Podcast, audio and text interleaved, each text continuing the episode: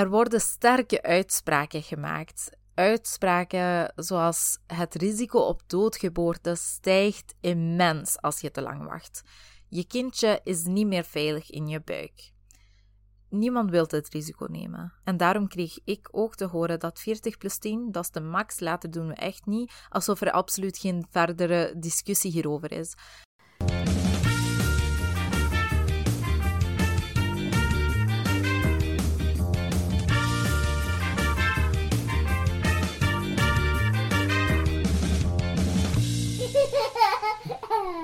Welkom, welkom, welkom naar een nieuwe aflevering van Pregopod.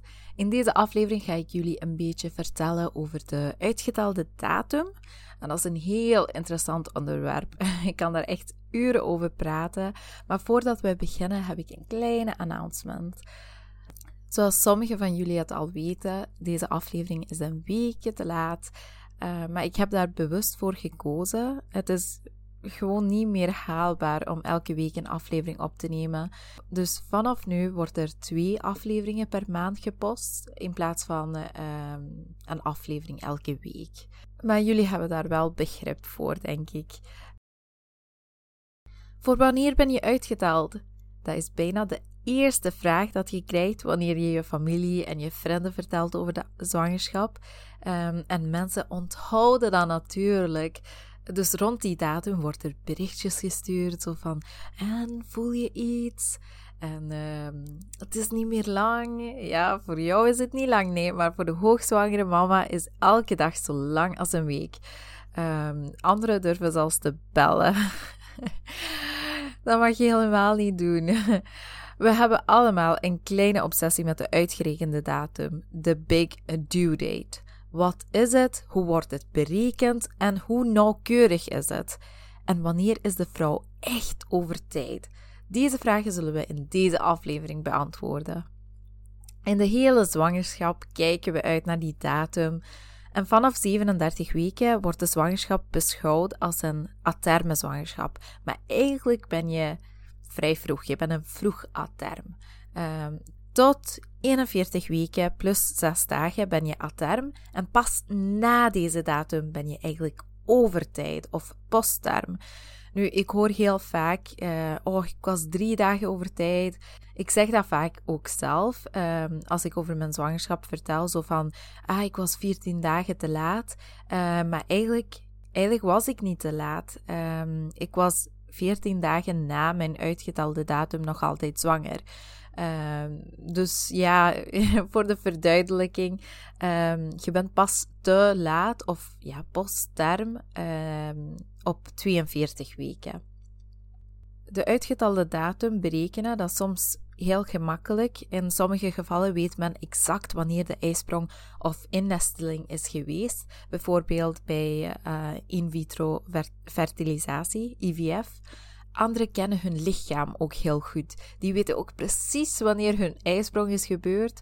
Um, en sommigen gebruiken ovulatietesten om de ijsprong um, op te volgen.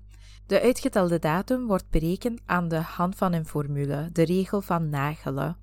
Dat gaat ervan uit dat de menstruatiecyclus 28 dagen lang is en dat de ovulatie op de 14e dag gebeurt. Soms moet het een beetje aangepast worden afhankelijk van de lengte van de cyclus. Om de uitgetelde datum te berekenen is het belangrijk te weten wanneer de eerste dag van uw laatste menstruatie was. Dan tellen we eerst 7 dagen bij en dan 9 maanden erbij op. En dit komt overeen met 280 dagen of uh, eh, 40 weken uh, na uw laatste menstruatie.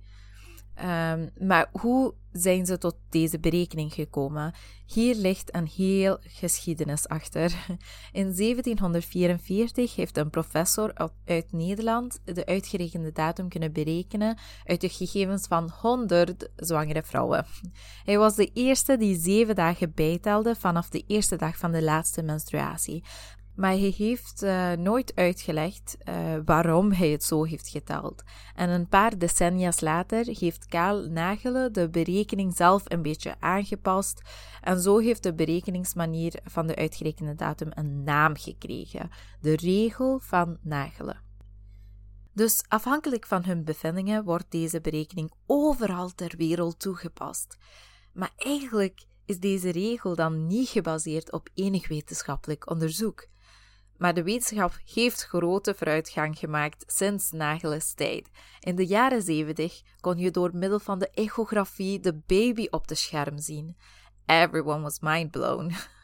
En het blijkt dat een vroege echografie de meest betrouwbare manier is om de zwangerschapsduur te bepalen. Het feit is dat als je de uitgerekende datum telt met, met behulp van de regel van Nagelen, is de kans groter dat een zwangerschap onterecht als postterm wordt bestempeld.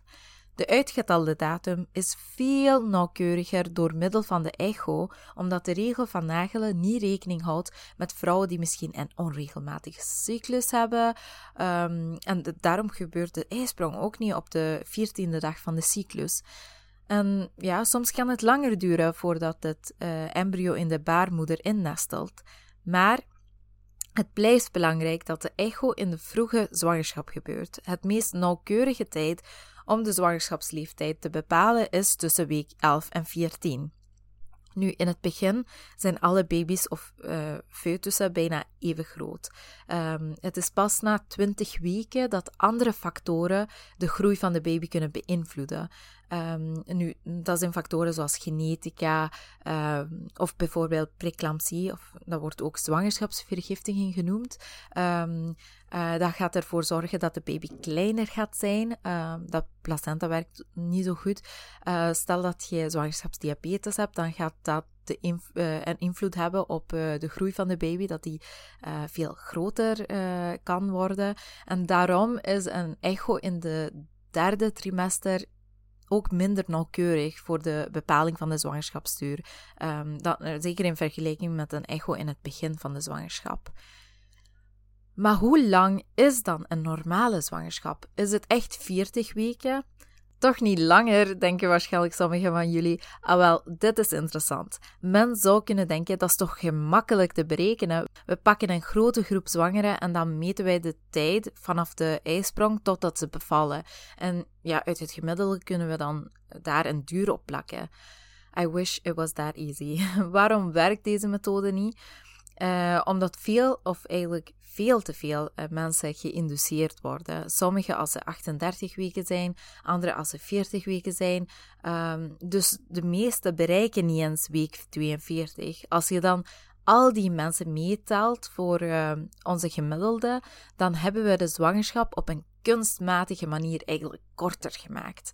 En zodanige onderzoek is ook niet gemakkelijk om uit te voeren.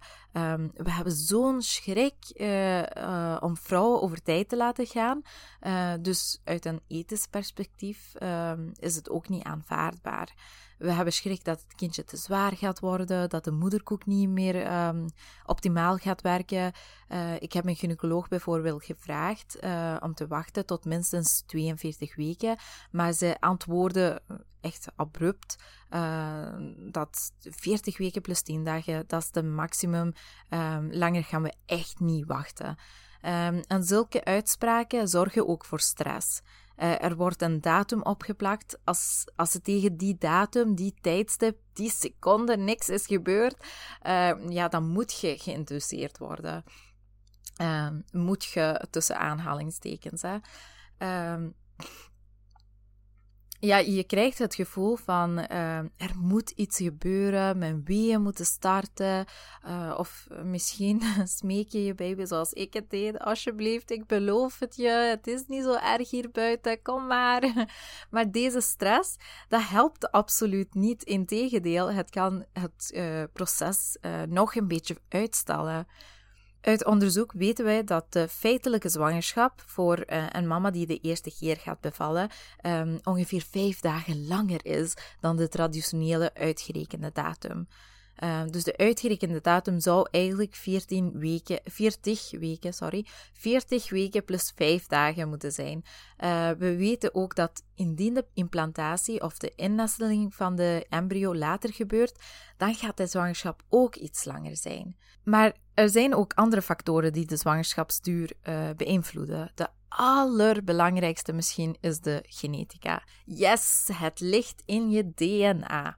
Alhoewel, ik geef mijn zoon nog altijd de schuld voor zijn laattijdigheid, ehm, maar hij luistert niet naar de podcast, dus hier kan ik het misschien wel een beetje toegeven dat het niet helemaal zijn schuld is, maar dat het eerder aan onze familiale geschiedenis ligt. De baby erft natuurlijk deze genen en dit omvat dus de neiging van de baby om uh, een beetje langer in dat badje te blijven liggen. Uh, de theorie is ook dat de baby ervoor zorgt dat uh, bepaalde hormonen die de baring op gang brengen, um, die zorgt dat die, die vrijkomen. Maar als de DNA codeert dat dit proces later zal gebeuren, dan, dan is het zo. Hè. Um, en volgens vele onderzoeken, en dan I really mean veel onderzoeken, uh, Yukis et al van 2013, Euberg et al van 2013, Moe-Green et al van 1999, Olesen et al uh, van 1999 en Olesen et al van 2003 zijn allemaal tot dezelfde conclusie gekomen. De allerbelangrijkste voorspeller van een langere zwangerschap is de geschiedenis van uw moeder en zussen en de familiale geschiedenis van uh, uw uh, vader. En ook nog je eigen persoonlijke geschiedenis. Dat wil zeggen, als je reeds over tijd bent gegaan met één kindje, heb je ongeveer 4,5 keer groter de kans dat dat nog eens gaat gebeuren, mits je zwanger wordt met dezelfde partner. En wissel je van partner, heb je ongeveer 3,5 keer de kans op een uh, postterme bevalling. En deze data is natuurlijk heel specifiek, maar dat is ook het onderzoek die deze cijfers uh, bestudeerde. 475.000 Zweedse geboorten werden gedateerd en ze ontdekten dat um, genetica een ongelooflijke sterke invloed heeft op je kans op een bevalling na 42 weken. De Zweedse onderzoekers stelden zelfs voor dat je sommige zwangerschappen resistent zou kunnen noemen. Dit omdat deze moeders en baby's een genetisch verminderde neiging hebben om te gaan bevallen. Ik vind dat een heel sterke uitspraak en ik voel me personally offended door deze statement.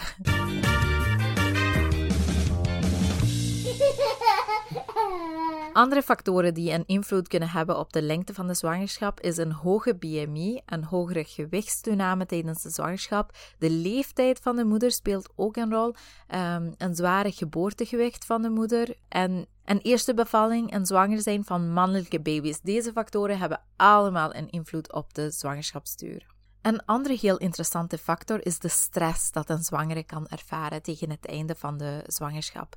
Stress is ten eerste onaangenaam en op het einde van je zwangerschap heb je niet nog meer dingen nodig die uh, onaangenaam voelen. Maar daarnaast zorgt stress dat cortisol, noradrenaline en andere stresshormonen vrijkomen. Ik heb het daarnet ook aangehaald. Een datum vastplakken en de, uh, de dagen uh, tellen, dat kan in sommige gevallen meer kwaad doen dan goed. Maar waarom zijn we zo bang om over tijd te gaan? Waarom gewoon niet wachten totdat baby zelf aangeeft dat het tijd is om te komen? Waarom deze inductiegekte? Er zijn voornamelijk drie redenen waarom men niet te lang wil wachten. Nummer 1. De functie van de placenta is niet meer optimaal en dat kan leiden tot doodgeboorte. Nummer 2, baby blijft groeien en wordt zo zwaarder en groter bij de geboorte en dit kan leiden tot andere complicaties. En nummer 3, de laatste paar weken zijn fysiek heel zwaar voor de vrouw en daardoor wordt ook geopteerd uh, om de zwangerschap te beëindigen. We zien ook dat risico's zoals chorioamnionitis, dus infectie van de vliezen en infectie van de baarmoeder, ehm, die nemen toe. Uh, de risico dat de moederkoek vroegtijdig gaat loslaten neemt ook toe. Maar het is belangrijk te vermelden dat ook zijn deze, uh, deze risico's aanwezig en ze nemen inderdaad toe. Maar het is nog altijd een vrij klein risico. Bij, bijvoorbeeld de risico dat de placenta gaat loslaten is 0,44% op 42 weken. Er worden sterke uitspraken gemaakt. Uitspraken zoals het risico op doodgeboorte stijgt immens als je te lang wacht. Je kindje is niet meer veilig in je buik. Niemand wil het risico nemen. En daarom kreeg ik ook te horen dat 40 plus 10, dat is de max, later doen we echt niet, alsof er absoluut geen verdere discussie hierover is. Eh, sorry, ik ga heel eerlijk zijn, ik vind dat verkeerd. Wij, ik vind dat wij een discussie moeten kunnen hebben. Een fatsoenlijke um, dialoog tussen patiënt en zorgverlener. Um, en het is enerzijds belangrijk dat de risico's uh, worden besproken, maar het dragen van een kindje is zoveel meer dan risico's overwegen.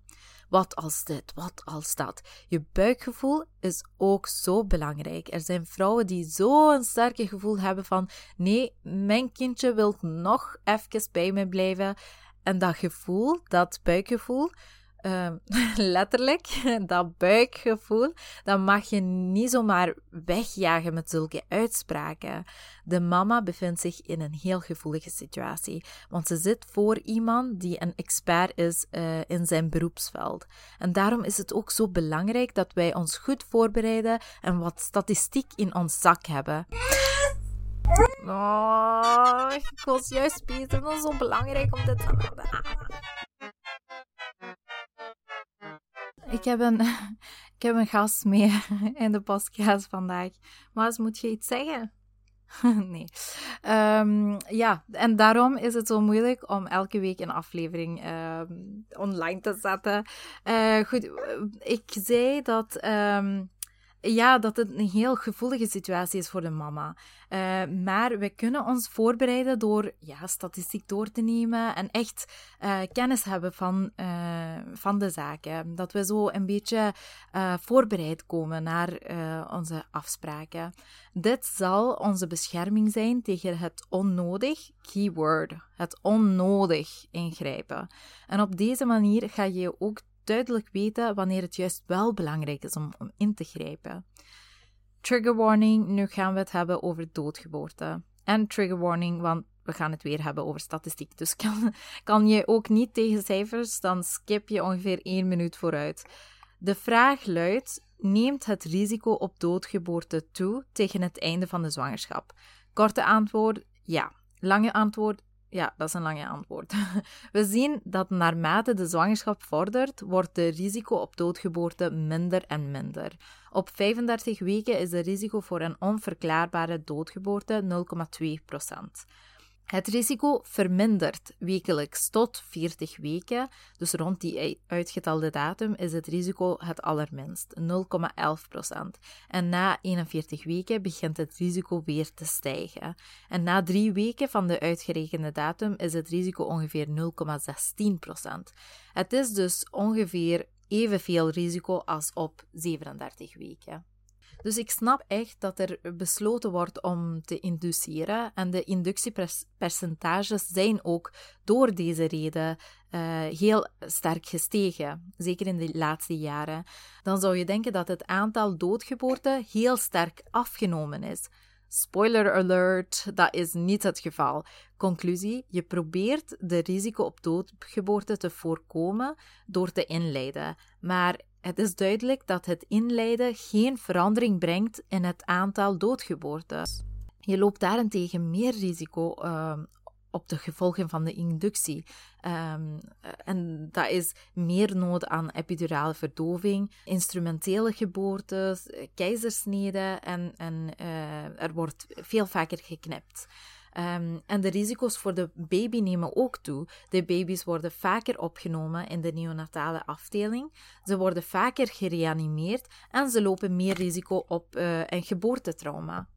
Eerlijk gezegd, wie wil er nog langer zwanger zijn? Bijna elke zwangere is het kotsbeu. Zijn er eens voordelen van het wachten? Het induceren dat is een toenemende trend. Uh, deels de inducties voor niet-medische redenen, maar een van de grootste uh, medische redenen uh, dat er wel geopteerd wordt om de baring op gang te brengen, is omdat de baby al een paar dagen te laat is. Tussen aanhalingstekens. Um, de voordelen van, de, van het wachten op spontane arbeid zijn veel. Um, daar gaat het eigenlijk om. Dit is de belangrijkste reden waarom er gewacht zou moeten worden. Een inductie houdt veel meer risico's in. Er zijn natuurlijk ook voordelen. Je ontmoet sneller je schattige zoon of je dochter. Uh, dat is een grote voordeel voor de nieuwsgierige en ongeduldige tussen ons. Um, en een zwangerschap is ook een enorme inspanning voor de vrouw. En het wordt via deze manier niet uitgerekt tot op de uiterste. Het blijft belangrijk om de risico's te bespreken. Dit kan ook gebeuren met behulp van visuele hulpmiddelen, indien uh, dit mogelijk is. Soms is het niet voldoende om het procentuele risico voor te leggen, zoals ik het heb gedaan in deze aflevering. Um, soms moet je echt kunnen tonen hoeveel zijn 16 mensen uit een groep van 10.000. Hoeveel is de resterende 9.984 uit 10.000 die geen doodgeboorte zullen meemaken? Dus ja, als we een obsessie hebben met de big due date, uh, dan is het misschien ook terecht. It can make it or break it voor de zwangere. De datum, de duur van de zwangerschap, ehm, de risico's op dit en dat, dat zijn allemaal dingen die moeilijk zijn om te bepalen. Maar je buikgevoel daarentegen, je instinct, daar kan je altijd op vertrouwen. Ehm, ik ga het zo afsluiten. Ik hoop dat je daar iets aan hebt gehad. Uh, laat me het zeker weten. Uh, jullie kunnen me volgen op midwife.attica op Instagram. Um, en geef me wat feedback. Ik wil graag weten wat je over de podcast denkt. Maast, gaat je ook dag zeggen? Zeg eens dag. Zeg eens dag. Oké, okay, Moaz is een stille en kalme baby, zoals jullie het waarschijnlijk al doorhebben. Wij zien jullie in de volgende aflevering. Tot dan. Bye.